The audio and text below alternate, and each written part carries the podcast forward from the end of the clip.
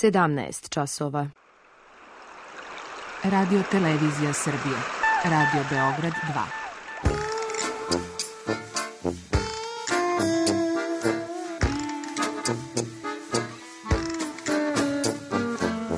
Rekli su mi, gospodine, vi ste promašili temu. Pa ja sam onda promašio život. I ne znam šta će da bude sam. Kaže, ja ne mogu više te čuvam.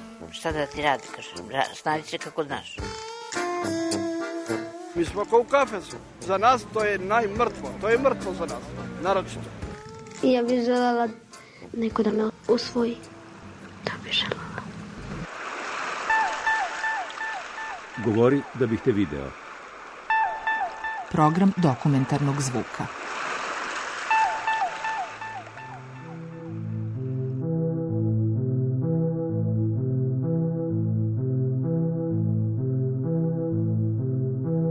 Zovem se Anđela, imam 29 godina i prvi susret e, sa anksioznošću, odnosno prvi napad panike sam imala pre 4 godine.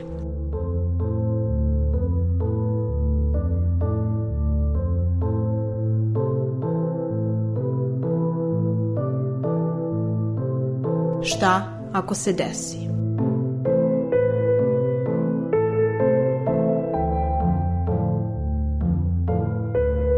Sam Ivana Veličević, po zanimanju sam diplomirani psiholog, a takođe se bavim i savjetovanjem transakcionom analizom, što je jedan od pravaca u psihoterapiji. Često sam u svojoj praksi imala iskustva da se susrećem sa klijentima koji imaju problem sa anksioznošću. Možemo slobodno da kažemo da je anksioznost jednostavno problem 21. veka. Anksioznost bih takođe naglasila da postoje različite vrste.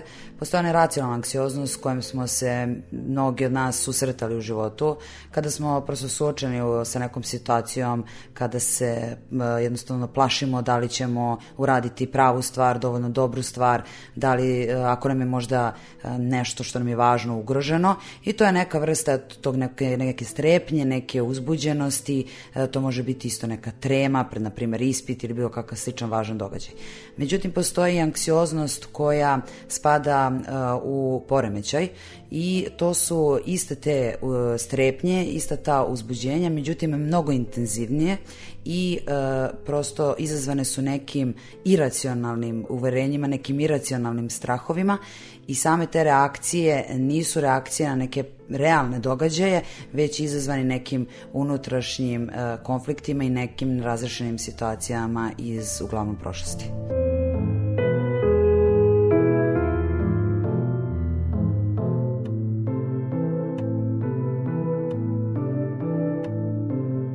Bila sam kod drugarice, vraćala sam se, već je pao mrak, trebala sam da uđem u autobus i u tom momentu je krenuo jako neprijatan osjećaj. E, osjećaj stiskanja u grlu, e, osjećaj otprilike slično jako gušenju, ali u principu e, umiranje na 101 način, kako bi ja to nazvala, jer definitivno kreće ogromna doza straha, jer e, ne znam u tom momentu šta me snašlo ali u principu nešto se dešava, nije mi dobro, krećem da se tresem, kreće strah, panika i ja definitivno shvatam da ja ne mogu da uđem u autobus, ne smem. U tom momentu ti misliš da se tebi zaista nešto fizički dešava, da si fizički loše, da um, imaš osjećaj srčanog udara, moždanog udara, nikada ih nisam doživela, ali po svemu što sam ikada čula, otprilike srce hoće da ti iskoči iz grudi, u tom momentu se vrat steže, milion i jedan osjećaj panike, straha na sve moguće načine. Od, od smrti, od ne znam, najvećeg straha koji ste ikada u životu doživeli. I ja sad sve ovo dok pričam, mislim da će redko ko moći doslovno da razume osjećaj sam koji se dešava, znači sve te simptome koji se dešavaju, ja mogu da opišem, ali je zaista osjećaj kao osjećaj sto puta gori od svega ovoga što sam rekla sada i što sam navela. I činjenica jeste da i ja već sada kada mi se ne dešava sećam se svega, ali e, ni strah prema svemu tome više nije toliki, ni osjećaj prema svemu tome više nije toliki. E, došla sam kući, mama je htela da zove hitnu, u nekom momentu kasnije, pošto se ja nisam smirila, je hitna i došla, dali su mi nešto za smirenje i pustili me. Prosto su mi rekli da sam imala napad panike iz nekog razloga. Znači, nešto mi je prouzrokovalo napad panike. Ja nemam pojma šta to znači. Uglavnom, e, moj život se nastavlja dalje. E, nakon 15 dana sam bila u bioskopu kako je krenula projekcija, kako su se ugasila svetla, kako sam ja videla gužvu oko sebe i da sam ja u nekom predzadnjem redu na sredini gde ja ne mogu da se izvučem u momentu kada ja to poželim, e, meni kreće isti identičan osjećaj. Gde ja shvatam da ja tog momenta i te sekunde moram da izađem iz sale i da ako to ne uradim, da, da ću se ja tu ugušiti, da ću ja tu umreti.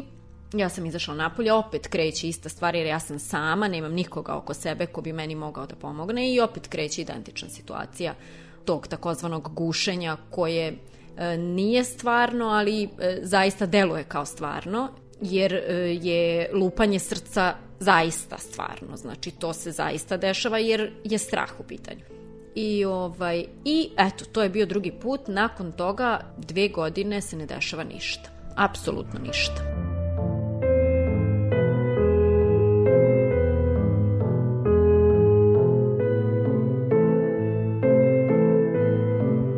Ovakva vrsta strahova kremeti u nekom obavljanju svakodnevnih obaveza, svakodnevnih aktivnosti. To su neke situacije, na primer, da ne mogu da uđu u autobus jer imaju neki strah da ukoliko uđe autobus i ukoliko se vrata autobusa zatvore i oni krenu neke, neku relaciju malo dužu od stanice do stanice, imaju utisak da ako e, im se opet budu javili simptomi koji su se javljali ranije, da oni neće e, moći da izađu iz, iz tog autobusa, odnosno da će se naći jednostavno u nekoj bezizlaznoj situaciji, da će se njima iz tog razloga desiti nešto jako loše. Zato su to vrlo često neke relacije malo duže preko recimo mostova, ili neke duže relacije između dve stanice autobuske. A, takođe može to da se desi i u nekim zatvorenim prostorima, posebno ako su guže u pitanju, recimo koncerti ili bilo koja takva neka dešavanja gde su oni, tako reći, zarobljeni i nisu u mogućnosti da izađu iz te situacije istog trenutka kada možda budu poželeli. Onda jednostavno to izaziva još dodatne simptome i određeni, određene strahove koji pospešuju razvoj tih simptoma i održavanje tih simptoma.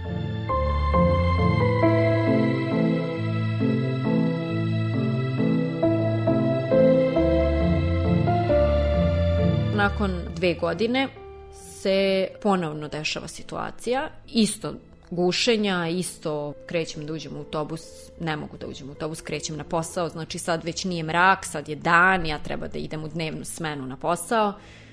I ovaj, pozivam koleginicu da dođe po mene do te stanice, pošto je bilo blizu.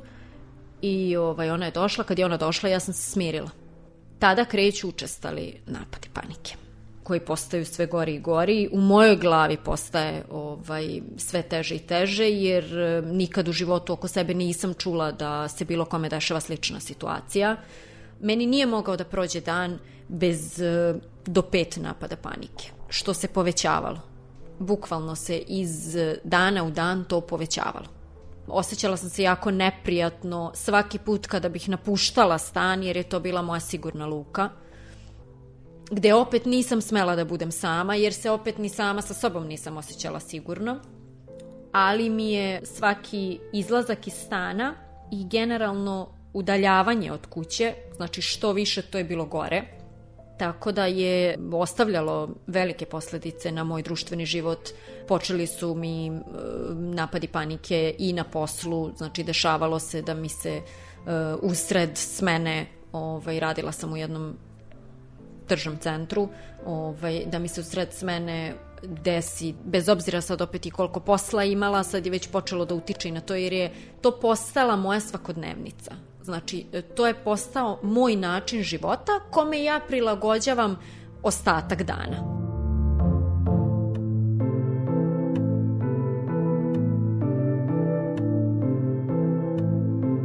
Osobe koje pate od anksioznosti su e, svesne tih nekih simptoma koje se često vraćaju. i onda oni jednostavno funkcionišu tako da svoj dan i određene situacije organizuju tako da u svakom trenutku imaju neku mogućnost da im neko na neki način pomogne. Tako da oni prave takve situacije da sebi obezbede neku vrstu sigurnosti. Da li je to uh, da će da drže mobilni telefon pored sebe da uvek mogu da pozovu hitnu pomoć? Da li je to da će da vode sa sobom prijatelje, partnere na neka dešavanja koje znaju da mogu da budu uzrok nekih simptoma? Ili će prosto da se oslone na neku komšinicu, prijateljicu? Znači uvek će praviti neke takve situacije i, i jednostavno sebi organizovati tako dan da uvek mogu da budu mogućnosti da nekoga pozovu i da nekoga mogu da angažuju ukoliko njima iz bilo kog razloga pozli. Zato ljudi koji koji, koji uh, imaju ove simptome, često i, im se simptomi vraćaju i budu vrlo intenzivni kada kreću iz kuće sami ili kada trebaju da putuju negde, što je dalja destinacija, to su simptomi izraženiji. I oni imaju simptome i pre samog putovanja i pre samog tog događaja, jer oni već unapred znaju da su to neke njima ugrožavajuće situacije. I svaki sledeći simptom uh, nastaje tako uh, što oni se, u svojoj glavi ponavljaju pitanje šta ako? Šta ako mi se desi da se opet vrate simptomi, šta ako mi se desi da ti simptomi u stvari nisu simptomi anksioznosti, nego neki realni simptomi, neke realne bolesti i to šta ako pitanje u stvari pitanje koje dalje razvija simptome i pravi sve veći problem.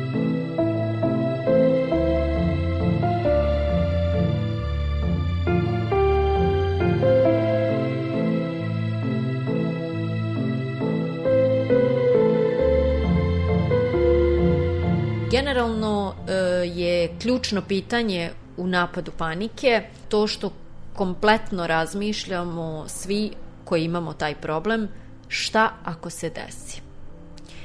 I ja ceo dan živim u iščekivanju šta ako se desi, jer ja uporno razmišljam o tome šta ako se ponovi, šta ako se desi.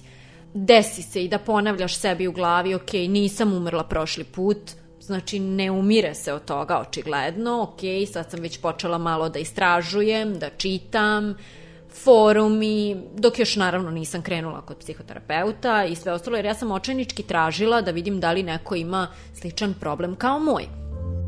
Kreneš da racionalizuješ, ali racionalizuješ samo do određenog trenutka kada tebi već srce kreće ubrzano da lupa od straha, od ipak šta ako, i tada racio nema apsolutno više nikakvu ulogu. Tada opet kreće sve iz početka i e, onda ti je u glavi već druga rečenica. Aha, za sve postoji prvi put. Šta ako ovaj put ipak umrem?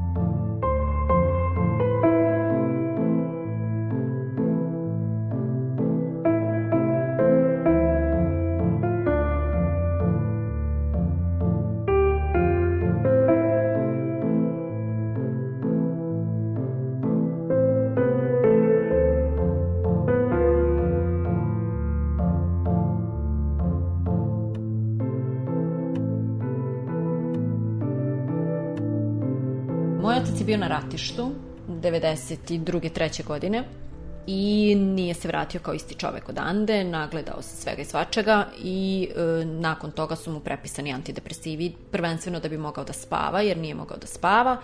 E onda malo po malo, pošto je to trajalo, e, on je bio u jako ozbiljnoj situaciji, malo po malo ovaj, e, je došlo do toga da, da je on postao zavisan, da on uopšte nije mogao da funkcioniše bez toga. I gledajući to u životu, ja samo prosto nisam žela da i ja tako živim. Od svih sam dobila isti savet da treba da se obratim psihijatru za pomoć e, i ja sam, kažem, imala sam strah od e, toga da mi ne prepišu lekove, da ne postanem zavisna od lekova i to je nešto zbog čega sam ja e, generalno odbijala da se javim psihijatru moj poremećaj e, nije nasledan. E, moj otac nije imao panični poremećaj koji sam imala ja. E, moj otac je imao depresiju i te neke drugačije poremećaje koji su izazvani, opet izazvani, ne ovaj, urođeni. E, moje je takođe, ispostavilo se, bilo izazvano mojim opet načinom života i mojim postavljanjem prema sebi samoj, mojim niskim samopoštovanjem, mojim niskim samopouzdanjem, mojom slabom pričom prosto o problemima, jer mučena sam ceo život da ovaj, se o problemima ne priča, nego da se kroz život gura i grize i grebe.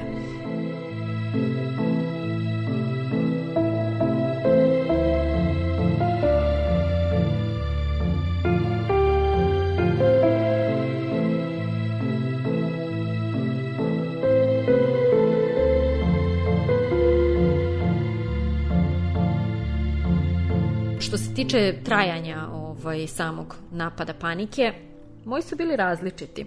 U principu imala sam jedan jako dug napad panike, mislim prosto osjećaj panike gde, gde, gde uh, užasna panika nije prestajala, krenuli smo na put i pun je auto bio, ovaj, nekih 300 km od Beograda. Ja sam se prosto osjećala nebezbedno i krenuo je osjećaj tog umiranja pod znacima navoda. Tako da ovaj, trajao je to čitavih dva i po sata.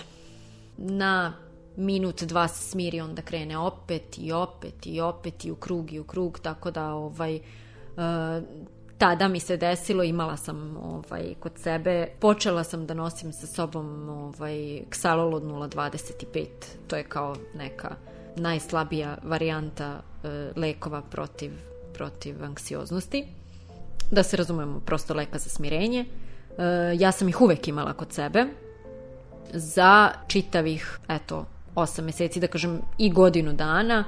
Ako uračunam to što su mi dali u hitno i ja sam popila možda 7-8 tableta. Tako da, ovaj, da, imala sam vrlo, vrlo ozbiljne napade panike. Kažem, eto, taj meni u glavi najjači je trajao, eto, ceo taj put tih nekih dva i po sata u momentu izlaska iz auta mm, kada sam osetila vazduh, kada sam osetila da da sam na neki način na sigurnom da ovaj eh, da smo stigli u taj grad gde, gde smo krenuli da tu ima hitna pomoć, bože, meni ve, večiti spasitelji ovaj, koji meni mogu da pomognu i da spasu život ako meni nešto krene da se dešava, odnosno ako krenem da se gušim ovaj, onda sam se, kažem, osetila sigurno i onda je tek napad panike prestao. Tada, konkretno u toj situaciji, je znala samo osoba koja je sedala do mene, jer su meni sve vreme išle suze i strašno sam se tresla. I prosto od nje nisam mogla da sakrijem. Ostali nisu mogli da vide jer je bila noć i bila je muzika i svi ostatak ljudi priča, znači njih troje ovaj, pričaju, tako da, ovaj, eto, tog puta znala samo ona, ali um, u većini slučajeva e, se dešavalo da ne mogu da, da se obuzdam i da, da krenem da plačem i da govorim da mi nije dobro i da se tresem i da to vide ljudi koji su oko mene. Znači, konkretno, desilo mi se kod kuće, živim sa dečkom i bili smo sami, legli smo u krevet regularno, znači, ležemo na spavanje, pričamo najnormalnije o svakodnevnim stvarima i on njega već hvata san i ja shvatam kao da ja ostajem sama, on je zaspao, meni ako pozli, on meni neće moći da pomogne i meni kreće napad panike, užasan i ja sam tu krenula ovaj, nekontrolisano da plačem, da e, do te mere da mi se vrti u glavi, da povraćam, da baš izazovem sebi razne, razne ovaj, sad već realne stvari koje su opet, kažem, izazvane tim nekim unutrašnjim strahom.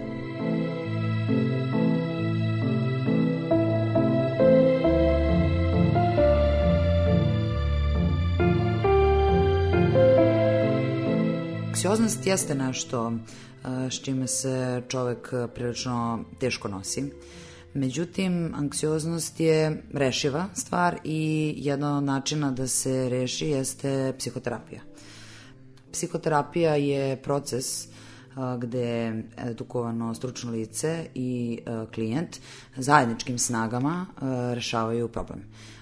Dakle, uloge u, u tom procesu su podjednake i tako reći psihoterapeut ima svetlo, a klijent ima mapu. Dakle, klijent je taj koji vodi psihoterapeuta kroz njegovu priču i uh, vodi ga u uh, ka pravcu u kome želi da ide.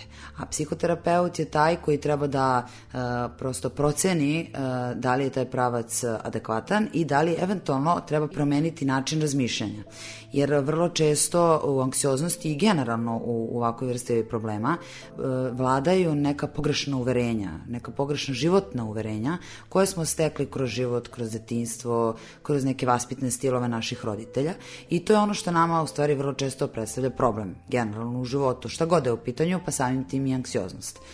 Dakle, e, psihoterapija je u stvari zadužena da primeti te neke, neka pogrešna uverenja i da ih eventualno modifikuje i da usmeri klijenta ka razmišljanju o nekim možda novim uverenjima, u nekim možda novim pravcima i da se jednostavno na neki drugačiji način, na drugačiji način ispoljava svoje emocije, da na neki drugačiji način razmišlja, da se ponaša i time definitivno sebi olakša život i reši određene probleme.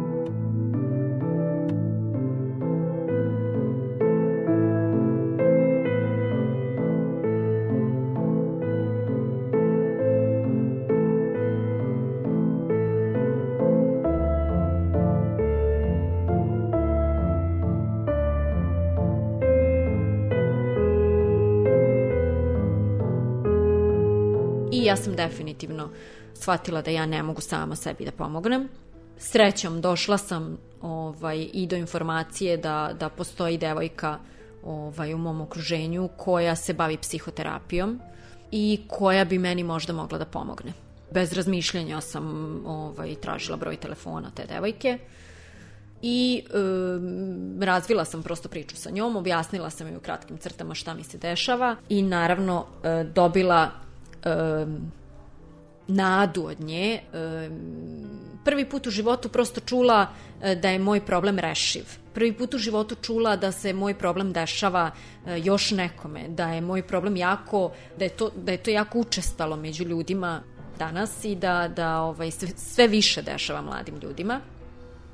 I to me malo primirilo, to mi je malo dalo nade, jer ja baš pre toga nisam nisam ovaj imala priliku ni od koga da čujem da da neko zna uopšte osobu kojoj se dešava nešto slično kao što se dešavalo meni. E, ljudi o tome ćute.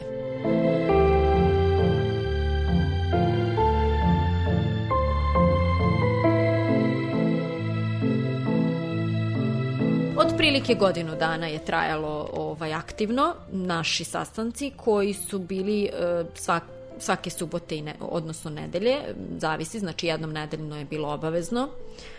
Ona je smatrala da je toliko dovoljno i bilo mi je dovoljno. E, s tim što sam ja, kako je ona znala da kaže, e, bila vrlo vredan đak, ja sam imala ogromnu volju da rešim svoj problem. Mislim da je to najbitnije da, da sami sa sobom prvenstveno, ne zbog drugih ljudi, ne zbog e, mišljenja drugih ljudi, um, sami sa sobom uh, prosto najviše treba prvo da raspravimo da li želimo da rešimo svoj problem ili ne. Ja sam išla dosta duboko pri razgovorima sa njom uh, u, u svoj život, u svoju prošlost, u svoje detinstvo, u svoj odnos sa, ne znam, roditeljima, sa sestrom, sa prosto bližom okolinom, uh, sa načinom odrastanja. Da, ja sam imala jedan problem koji je bio ključan, kojim se trebalo baviti. Ali taj jedan problem je izazvalo mnogo drugih problema koji su gurani pod tepih, koje je trebalo izvaditi, kojih se trebalo setiti, koje je trebalo priznati samoj sebi, koje je trebalo promeniti, da bi se bilo šta kasnije promenilo.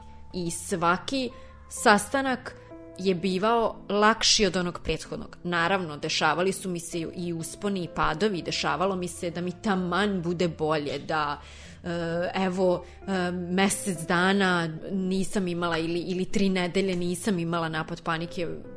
Wow, to je bio uspeh za mene. Dešavalo mi se i da, da, da klonem, da, da možda meni stvarno trebaju tablete, da to nije stvar koja se tako rešava razgovorom. Ali onda mi se desi da, da ovaj, eto, izguram tu nedelju, dođe taj vikend gde idem na, na psihoterapiju i tu ponovo počnem da verujem u sebe.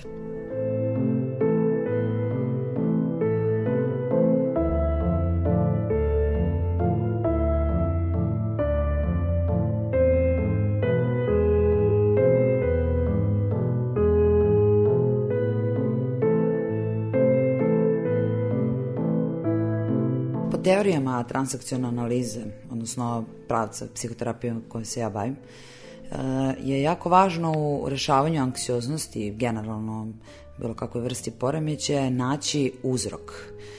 Uzroci su uglavnom nastali negde u nekom ranijem periodu uh, detinstva, u prosto tom nekom vaspitnom stilu roditelja, u nekim možda traumatskim događajima koji su sledili i ne mora da znači da će tog trenutka da se ispolje neki problem. E, vrlo često to bude tek u nekim kasnim godinama, tako što se javi neki okidač i onda tu nastane određeni problem.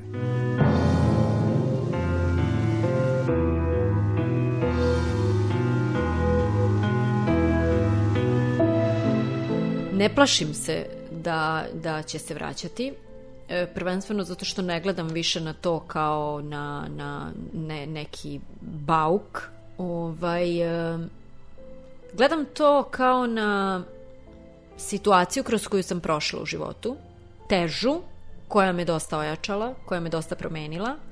Čak gledam na to, možda će naravno nekome sa strane zvučati čudno, ali e, ja gledam na to kao jedan od svojih uspeha. Jer je, nisam iskreno da mi je neko rekao da će ovo reći pre, pre ovaj, dve godine i, i godinu i po dana, rekla bi nema šanse, ali to je, mislim, to je tada bio moj najveći problem u životu, ali ovaj, da, sad stvarno gledam kao da je to jedan od mojih uspeha, zato što sam ja uspešno prošla kroz to, savladala sve to, izborila se i sada gledam na to potpuno na neki drugi način, potpuno drugim očima. Ne gledam na to više kao problem. Sada sebe smatram jakom i samostalnom osobom.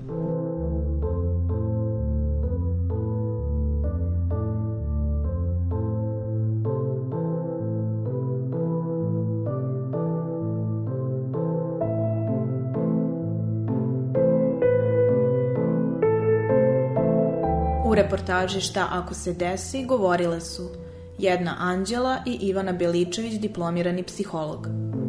Autor Milena Radić.